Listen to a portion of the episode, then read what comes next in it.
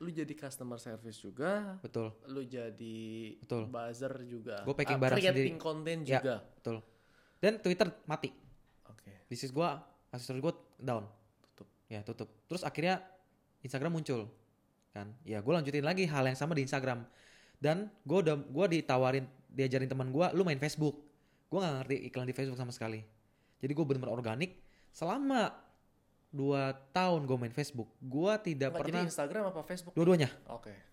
yang tapi yang gue pengen kasih tahu adalah dari Twitter gue nge-tweet 80 tweet nggak pernah berhenti. Dari Facebook selama 2 tahun gue nggak pernah berhenti nulis satu hari pun long post Rif. Tiga empat paragraf. Oh, posisinya gue Oke. waktu itu ngambil barang di Roxy naik motor hujan-hujanan. Gue gua harus minggir dulu nih. Eh ini harusnya gue ngepost di Facebook nih. Gue ngepost hujan-hujanan gue pulang terus gue packing barang setiap hari tanpa numbers yang besar iya. Jadi, Tanpa traction. lagi. tanpa traction jadi bener-bener orang pure gue nulis orang suka orang gue nulis orang suka baru gue partneran sama Aaron baru gue kenal dunia advertising, Advertising, iklan ya. jadi background gue mungkin dulu di marketing udah strong dari nulis Oh, terus lama-lama gue dari sebenarnya lu marketing online Bukan Jalan. awalnya bukan sosok Rico Huang. Mungkin Bukan. dulunya lu nggak mau personal branding juga kali. dulu gue beli akun Twitter namanya bisnis anak muda. Mm-mm. dari teman gue namanya Lambertus Darian. 13 juta. Mm-mm. oke. Itu akun bisa bikin orang datang ke seminar 500 orang. Hanya dari 3-4 tweet. Oke. oke gue beli gue pakai topeng. Topeng namanya BAM. Nah, udah lama-lama gue baru buka topeng. Baru memberhentikan buka topeng dengan Kenapa? sosok Wang Kenapa nggak langsung anonim terus karena gue pengen jadi artis tapi nggak kesampaian seriusan, seriusan, Seriusan, seriusan. Oh, emang dulu lu mau Iya. jadi artis. karena gue gue berpikir gue punya kesenangan tersendiri Banyak ketika yang bilang kita mirip Niki Tirta gak sih anjir? iya emang lu juga Gue juga iya iya kan? iya iya Kenapa ya? iya ganteng kali ya gue gak kenal orangnya sih. gue gue liat di di Google oh iya Gue tahu mukanya, Nah, cuman tapi gak kenal. ya positif lah dia dia ganteng berarti orang lihat gue Kalau kalau dis, dikasih pilihan nih sekarang, Nah. Jadi artis macam eh nyebut orang lagi. siapa siapa siapa Atta Halilintar deh, Ah, Grita Agatha deh Atta Halilintar deh. ya kayak Grita ya Atau ya boleh atau Grita atau atau kayak atau lu memilih pengusaha. gue Kalau udah sekarang, maksudnya pengusaha tuh jadi tanpa branding sama sekali iya. oke gue memilih jadi pengusaha Kenapa? Karena- Kata lu mau jadi artis. Kan enak itu dulu banyak. itu Oh. dulu ya ternyata gue lihat tidak seindah itu karena privasinya udah mulai gue kalau dibanding Ata atau artis lain jauh lah Jauh jauh. gue cuman ada Apalagi nama di anjir. dunia pengusaha lah maksudnya pengusaha-pengusaha atau karyawan baru mulai bisnis lah gitu Hmm. eksposnya kecil tapi dari yang kecil itu aja gue udah ngebayangin ternyata jadi artis tuh nggak enak Banyak.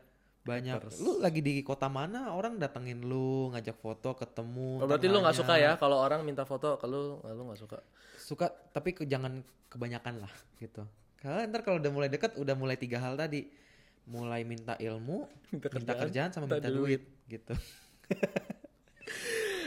Next nih, gue mau lanjut ke pendidikan. Hmm.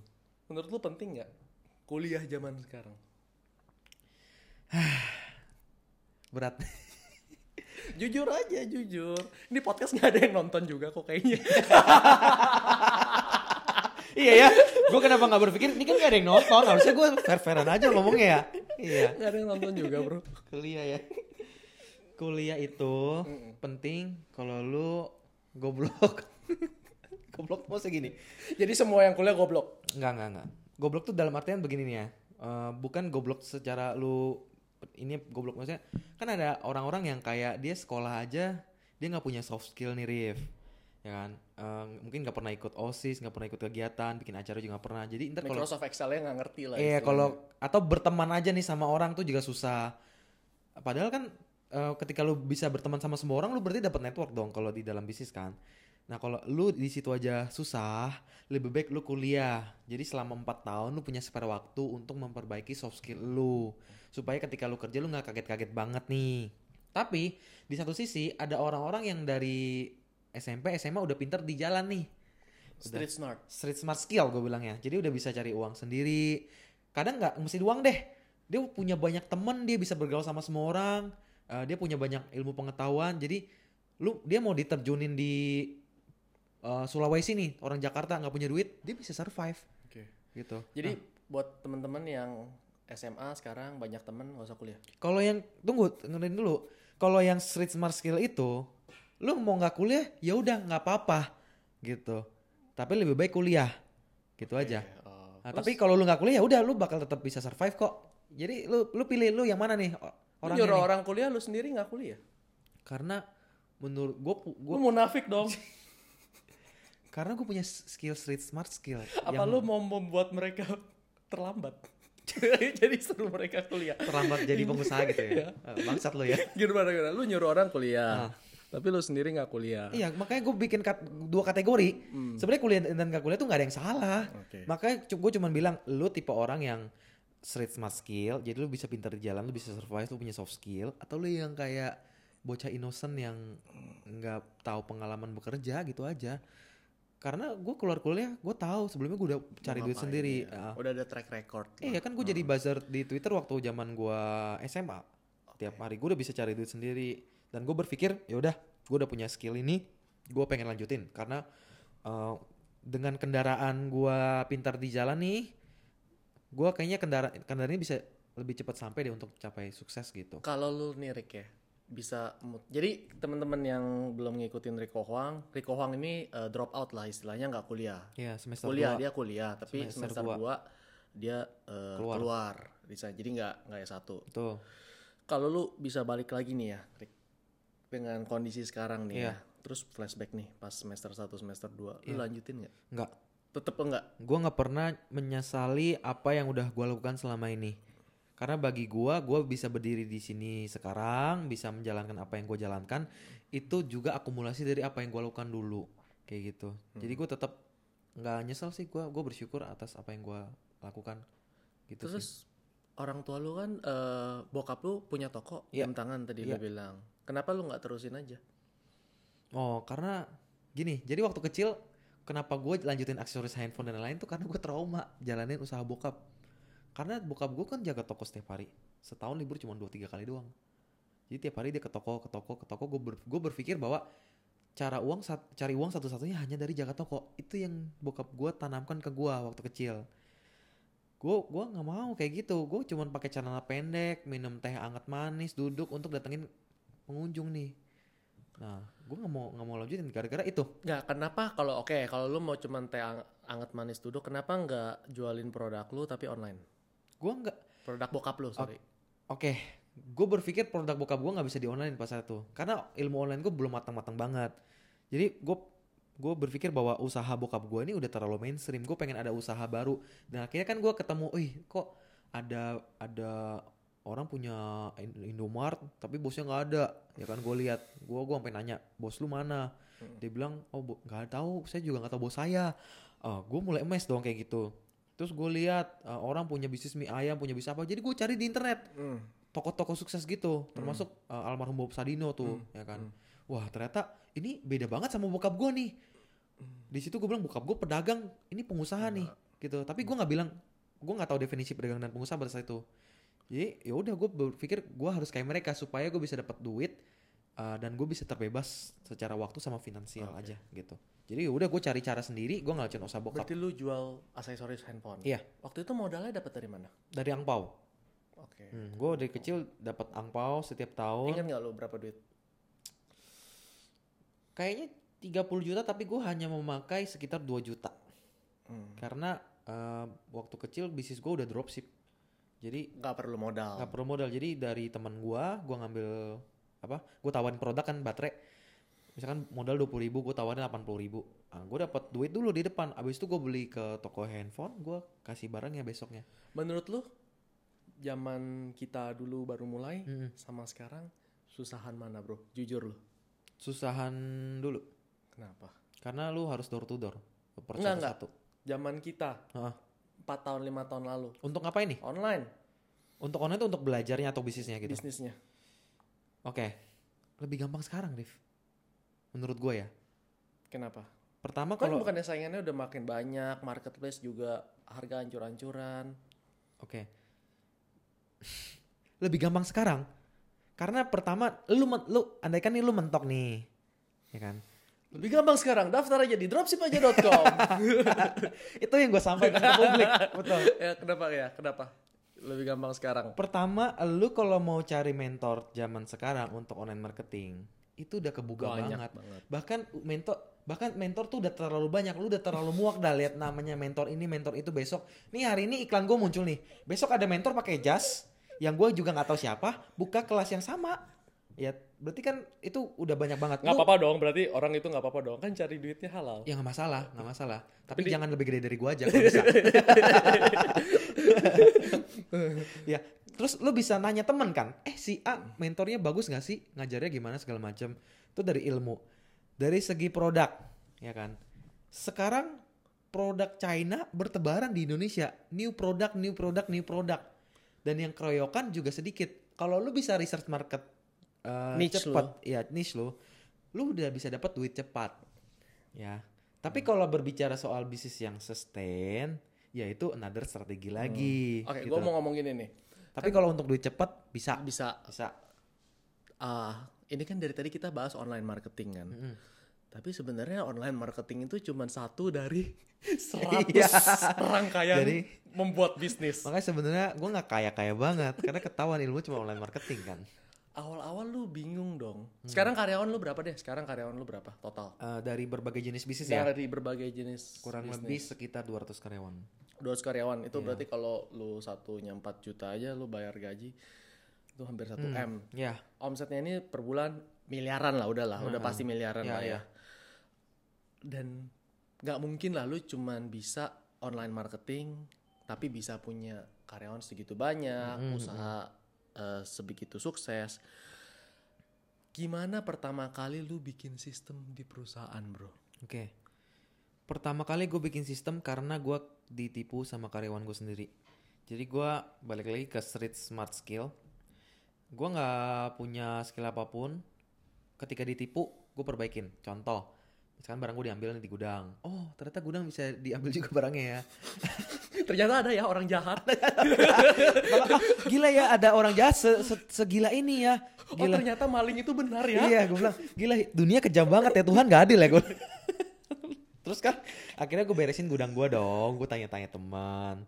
Terus mulai lagi eh, duit gue diambil, misalkan nih dia punya akses buat transfer. Eh ternyata ketika ada uang di rekening, gue kasih uang kepercayaan ke orang finance, finance gue bisa transfer lagi dong ke orang lain. Oh ini jahat banget tuh dia nggak adil nih. Nah gue perbaikin Oke. satu satu, Satu. sampai sekarang Sampai sekarang pun sebenarnya masih masih perbaikan, perbaikan, terus lah ya. Betul. Cuman bedanya kalau dulu gue jalanin bisnis sendiri, sekarang gue udah punya partner aja Oke. uh, yang kolaborasi sama gue di bidang masing-masing. Iya. Makanya uh, gue kolaborasi dan belajar dari yang terbaik gitu aja. Dan nggak berhenti belajar lah Nggak berhenti ya. belajar. Soalnya ya lu bisa ngomong punya ratusan karyawan, Iya. tiga bulan dapat kompetitor yang lebih hebat, Iya. jebret. Orang punya Segi- uang. sebegitu cepet loh. Iya. Orang sekarang punya duit berapa puluh miliar aja buka bisnis yang sama. Bisa. Hancur udah. Hancur udah gitu. Harga lu dipotong Habis. 50%, servis lebih bagus, Iya, habis. lebih kenceng, Iya. habis. Rugi aja dulu setahun dia, gitu. Iya, habis bisnis gua, udah, gitu. habis. Makanya, makanya gue selalu berpikir untuk udahlah, gue tuh masih miskin lah, gue nggak boleh nggak belajar sama orang lain, jangan pernah sombong gitu-gitu aja gitu. Terus lu sekarang reseller berarti karena tadi lu udah bilang B2B, Mm-mm. berarti eh, banyak reseller. Banyak reseller reseller. lu total sekarang berapa, Bro?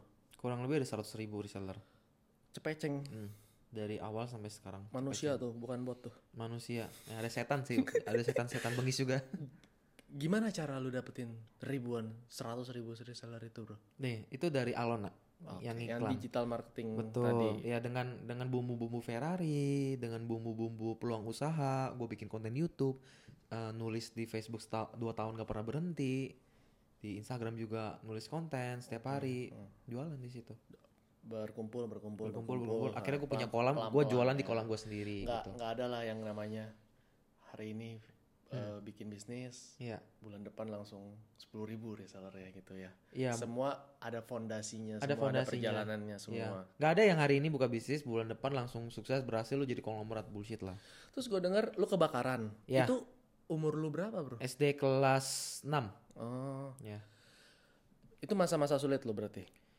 Apa enggak? Nggak, Enggak, karena waktu itu kebakaran gue cuma sedih doang. Abis itu bokap cuma nanemin, lu harus cari uang sendiri. Tapi kan anak SD nggak ngerti Hmm. Nggak tahu apa-apa. Iya, gue kayak oh ya udah cari uang sendiri aja gitu. Gimana caranya nggak tahu. Mulai SMP kelas 2 kan gue dari SD sampai SMP kelas 2 suka mulai bantuin bokap gue jaga toko. Lama-lama gue mulai ngerti nih, wih gila dapetin uang 150 ribu ini susah banget gitu. Ini yang namanya cari duit. Kayaknya gue nggak bakal bisa jadi bokap gue deh. Bokap gue udah terlalu besar menurut gue gitu kan. Karena dia punya toko. Jadi situlah gue mulai berpikir gue udah nggak mau nyusahin duit orang tua lagi. Gue pengen cari cara lain selain buka toko karena kalau buka toko modalnya gede. Iya. Makanya gue cari informasi akhirnya ketemu online gitu. Terus masa-masa tersulit lu apa dong kalau bukan kebakaran itu? turning point gue ya. Eh apa bukan turning point ya? Down, Down. very very down. Kayak nggak tahu nih bisa lanjut apa enggak. Oke, ketika gue ditipu sama partner gue sendiri, ketika bisnis gue udah mulai jalan lah. Ini bisnis lu yang dropship aja. Dropship aja, betul. Jadi seperjalanan sih gue ngalamin gagal sih, cuman gagalnya biasa aja, nggak yang Minor kayak lah. minor ya.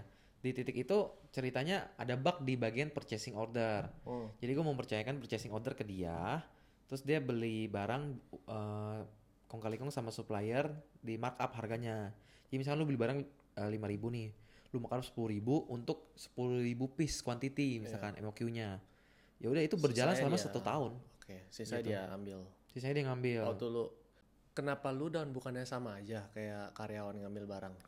Karena pada saat itu dia keluar dan kerjaan dia gue yang ngurus dan kondisinya gue punya Ber- Berarti ketahuan dulu. ketahuan. Eh, nipu. Ya Keluar lu. keluar akhirnya. Terus kerjaan dia ternyata selama ini juga performnya kurang dan gue baru tahu. Dan lu nggak pernah megang gua kerjaan nggak dia. pernah megang. Karena emang partner ya gimana. Lu Betul. kerjain produksi, gua Betul. kerjain marketing Betul, gitu. gue nggak terlalu dalam ngecek lapangan abis karena gue punya kerjaan juga. Iya. Akhirnya bobrok, gue baru tahu, gue benahin satu-satu. Di situ ya mulailah omset mulai turun lah, reseller mulai kabur, keuangan juga mulai kurang, karyawan banyak, Hmm. ya kan, mau ngurus pajak ini itu segala macam. Jadi ya itu titik terendah gue pikir kayaknya gue tutup aja deh bisnis gue yang ini. Hmm. Karena kayaknya gue kok ngeluarin energi banyak banget dibandingkan bisnis gue yang lain. Oh, lu mau gitu. tutup bisnisnya justru mau tutup, itu. mau tutup, mau Tapi lu terus keep going. keep going, keep going. Berapa bulan lu tuh stres? Setahun lah, Setahun. Nah, setahun. Sebenarnya stres iya di awal ketika dia Out. keluar. Hmm. Tapi lama-lama ya mungkin gua ada kegalauan tersendiri lah ya. Tapi gua nggak kayak gue bisa memaintain stres gua sih. Gitu. Tiga bulan pertama lah ya. Tiga bulan pertama stres banget. Ya gue cerita ke teman-teman gua. Dan ketika dia keluar, tim-timnya dia juga keluar. Oh, dibawa kabur juga. Eh, circle-circle satunya. Ada yang dibawa kabur, ada yang memang tahu nih gue yang ngurus. Jadi culture-nya udah beda, keluar juga. Atau enggak ketahuan juga dia ada yang juga. keta- ada yang ketahuan juga ada yang memang kabur ada yang memang ikutan maling. tahu bosnya gua jadi dia nggak mau gitu karena kerja sama partner gua ya mungkin nyantai atau apa gimana gua ngerti tapi gua sama uh, partner gua yang dulu hubungan gua sampai sekarang baik-baik Baik. aja ya gua dia dia gua nggak gua nggak marah malah waktu dia keluar gue bilang ya udah emang ini jalan lu dan kita masih komunikasi masih ngobrol Sampai sekarang. sampai sekarang iya sampai sekarang dan dia punya bisnis bisnisnya jalan gitu Oh, jadi nggak ada hard feeling berarti. no ya? hard feeling, no hard feeling. Memaafkan ya. Iya, cuman setahun itu ya gue dibilang stres, ya itu stres banget karena gue ngeliat masa depan di bisnis gue. Terus lu kan sekarang eh, apalagi sejak Ferrari nih ya. Hmm. Personal branding lu, followers lu tuh Iya, b- bener nggak? iya, naik Dua- banget. Dua kali ada nggak kira-kira? Dua kali, dua kali, Dua Naik kali, dua kali lah. tiga kali lah. Masuk TV, Betul. TV-nya juga acaranya yang ratingnya tinggi. Iya, Di interview banyak orang eh, artis-artis terkenal juga. Iya. Banyak dong haters. wah, Apalagi sebenarnya orang yang belum kenal. Betul. Kebanyakan karena kan belum kenal eh, dari collab lah, collab followersnya si dia nggak suka, terus akhirnya jadi nge-hate. betul. Gimana bro? Lu ngurusin haters itu bro? Gua- Lu lu sakit hati gak? Dulu ya, sekarang eh, dari se- 10 haters nih, mungkin sakitnya gue cuman satu. Kalau dia memang ngomongnya nyelekin, kadang tuh ada haters yang bangsa tau nggak? Eh, dia bisa ngomong yang bener-bener nusuk hati kita. Jadi gue udah terbiasa nih dengan omongan publik lah. contoh, oh, contoh ya. dong, contoh dong. Aduh gue lupa kasusnya. Pokoknya kadang-kadang ada yang kayak, eh lu bener juga ya, sialan kok lu bisa tahu gitu loh. ada yang kayak gitu. Gue punya satu orang, khusus untuk jagain semua sosial media gue dari haters. Oke. Dia online di jam kerja, eh, lupa gue satu satu atau dua shift gitu jagain. Karena gue ngiklan ke mana-mana segala macam kan ada. Terus eh, kalau lu nanya pandangan gue, pertama gue udah udah kebal, Udah sama kebal. haters. Meskipun kadang-kadang juga suka ada lah. Karena udah enam tahun juga lo ya di tahun. dun- dunia personal brand lah Betul. istilahnya. Terus juga eh, semenjak gue masuk ke TikTok, Hmm. kan banyak yang kampret-kampret yang kayak Cina lu, Kalau itu mah selalu bla lah bla ya. ya kan. Tapi gue riset ya, Hmm. mereka yang jadi haters gue tiga bulan berikutnya beli produk gue, Oh iya. sumpah. Ya. Paling lama enam bulan deh, enam bulan. Oke. Jadi dia masuk TikTok dia ngatain gue nih. Hmm. Terus dia kan download ebook gue Lu nih. catetin nama-namanya. Iya. Eh, kadang-kadang dia download ebook gue, tapi komen kan gue cek nih. Oh. eh kok nih orang ternyata beli produk gua Hmm. selanjutnya nggak entah kecewa entah ada masalah pribadi tapi dia beli produk Mungkin gua karena gampang aja lah. Iya. Ya, abis gini, walaupun haters banyak di jalan mah nggak ada yang berani juga Nggak lah bro ya. berani. Ah pernah emang lu Nggak, dilabrak? nggak. Pernah kan? dan biasanya ya, orang yang yang nge-hate seseorang itu orang punya masalah pribadi yang selama ini dia nggak pernah publish. Jadi dengan dia nge-hate seseorang maka sampah itu akan hilang dari Keluar, dirinya kayak sendiri. Keluar gitu ya. betul betul. Dan itu memang internal problem yang nggak bisa kita kontrol gitu aja. Jadi ya karena gue udah muncul di publik kalau ada or- orang publik ngomongin gue ya itu udah konsumsi publik. Gue udah nggak ini kadang-kadang malah komen-komen haters gue angkat ke publik untuk gue jadiin studi kasus buat gue bikin konten Oke. engagement naik Oke, kalau itu kan haters yang nggak dikenal kan. Tapi kan ada nih public public figure, haters haters juga, Iya. public figure iya yang nge-hate lu juga.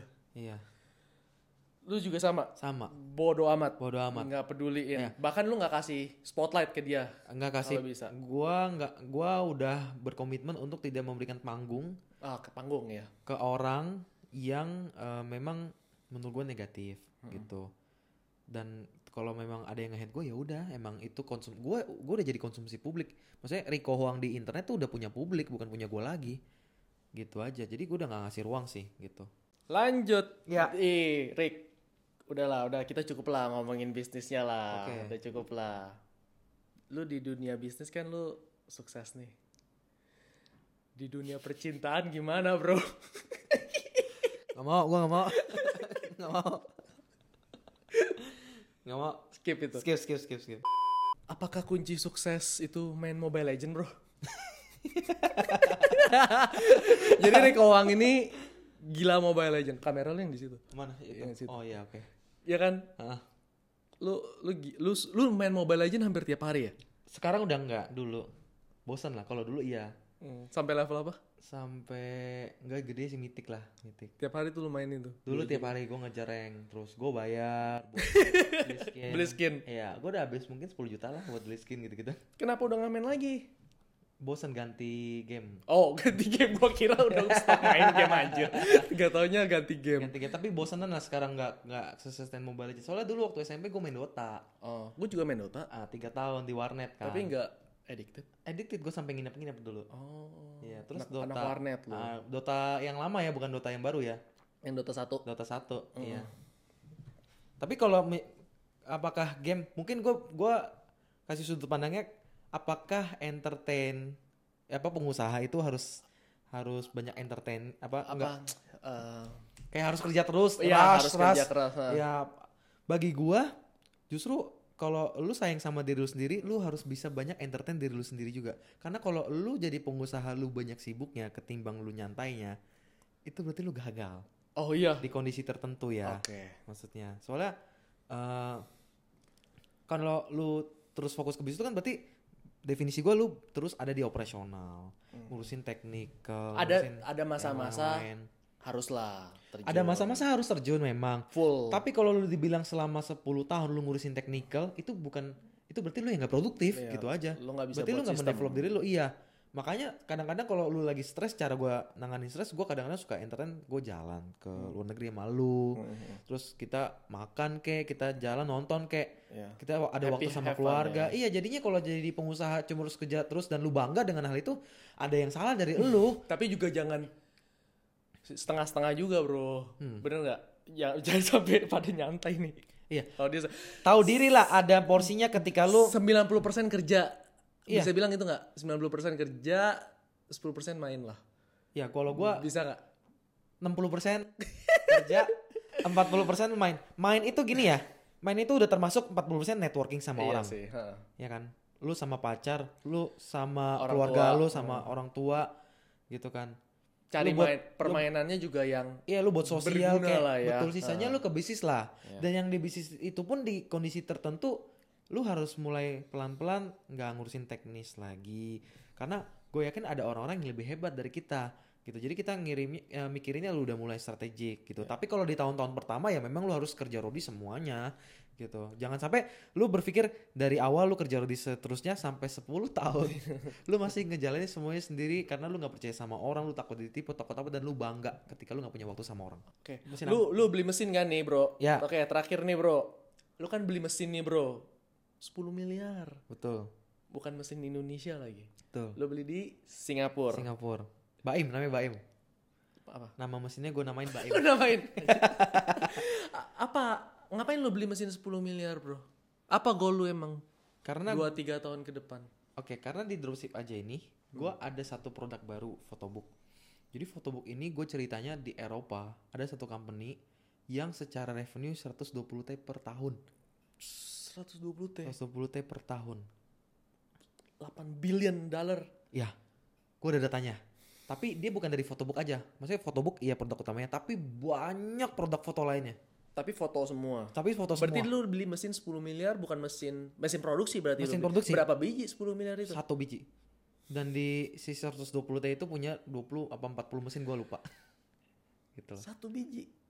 Iya, gue punya satu biji. Gitu loh. Kalau rusak gimana, Bro? Maintenance-nya 30 juta per bulan.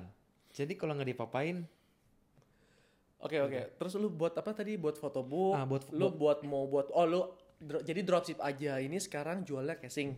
casing, kaos dan lain-lain kan. Produk-produk Oke. yang generik lah yang umum di pasaran. Yang foto ini Baru. mesin 10 miliar ini Betul. emang nggak ada yang satu miliar aja gitu, Bro? Ada yang segitu, tetapi secara cost tinggi, secara kecepatan produksi lama. Jadi kapasitasnya kecil nih. Gue punya reseller aktif, gue ngeliat di luar gede, ya udah deh, gue hajar aja. Gitu. Tapi lu berani banget ya langsung 10 m. Iya.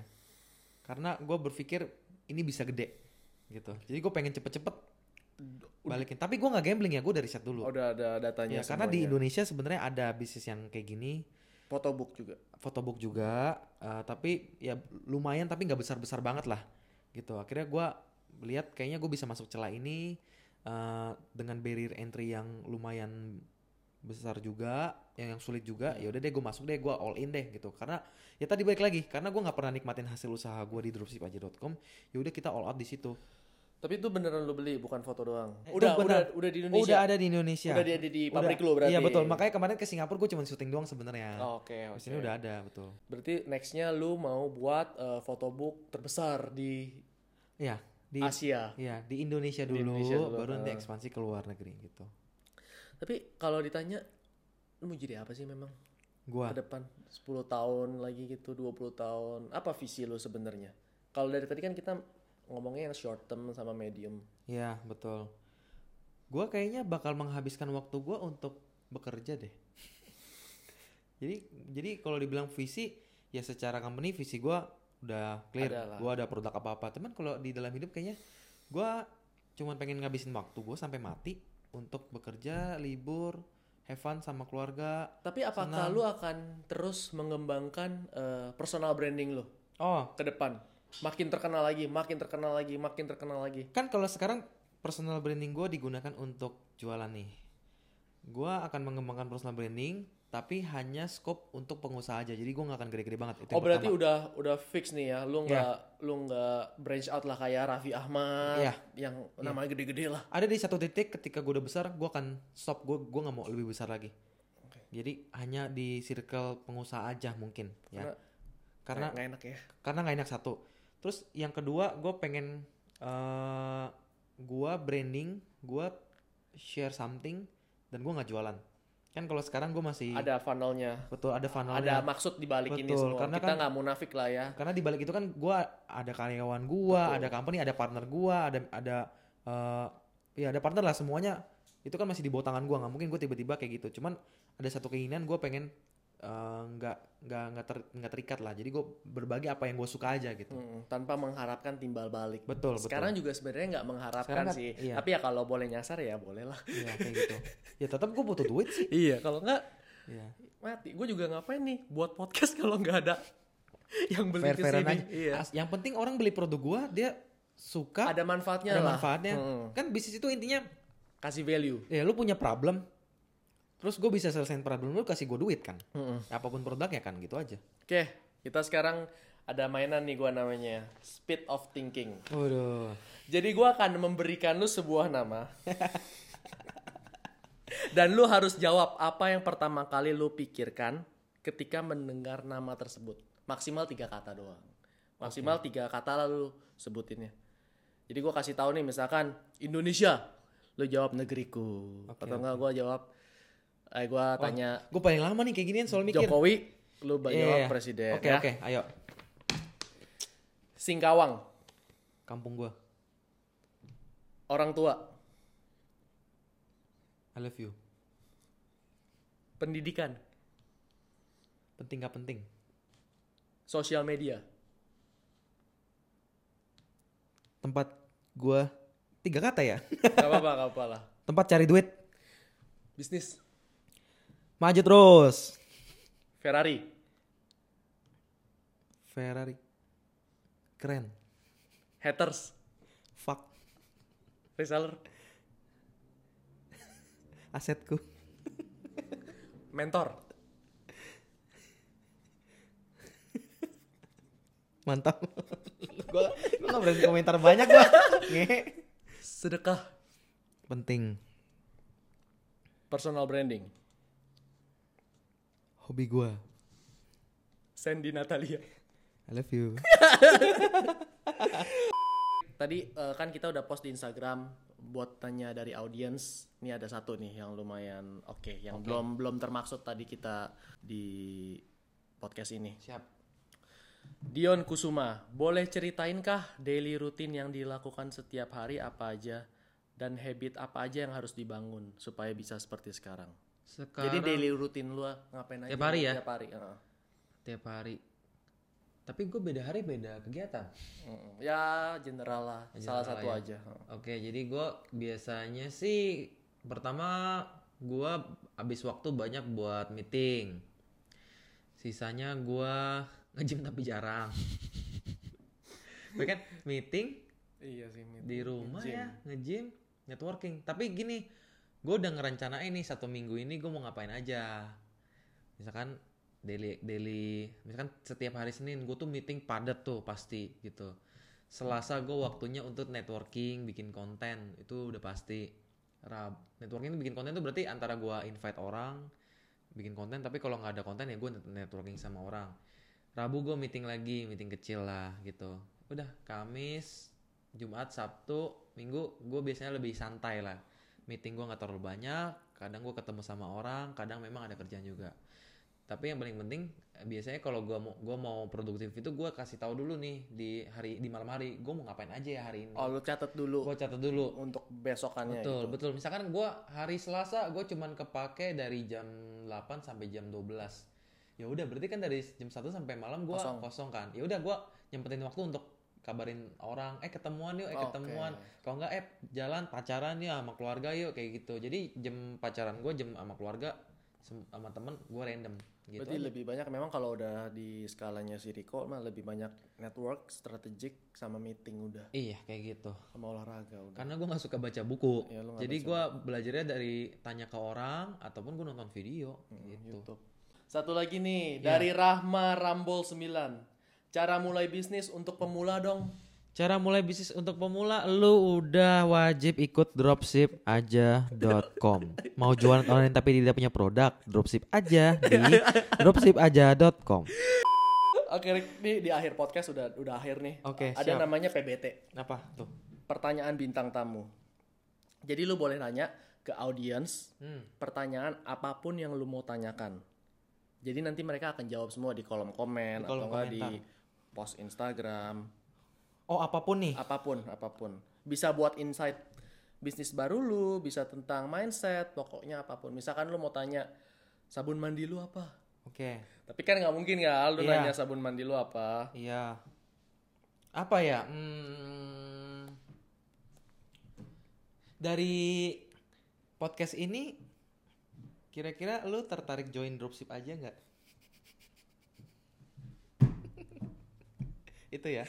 Thank you Reke udah mau datang. Thank you. Thank you so much atas waktunya. Nah, buat kalian yang nonton video YouTube ini atau podcast ini jangan lupa di-subscribe, terus di-share, terus juga eh, di-rating di Apple Podcast kalau kalian denger podcast ini di Apple Podcast supaya yang dengerin makin banyak, yang nonton makin banyak karena kalau makin banyak audiensnya saya bisa lebih mengundang pengusaha-pengusaha atau sosok eh, orang sukses lainnya. Karena kalau masih kecil susah, Bro. Yeah.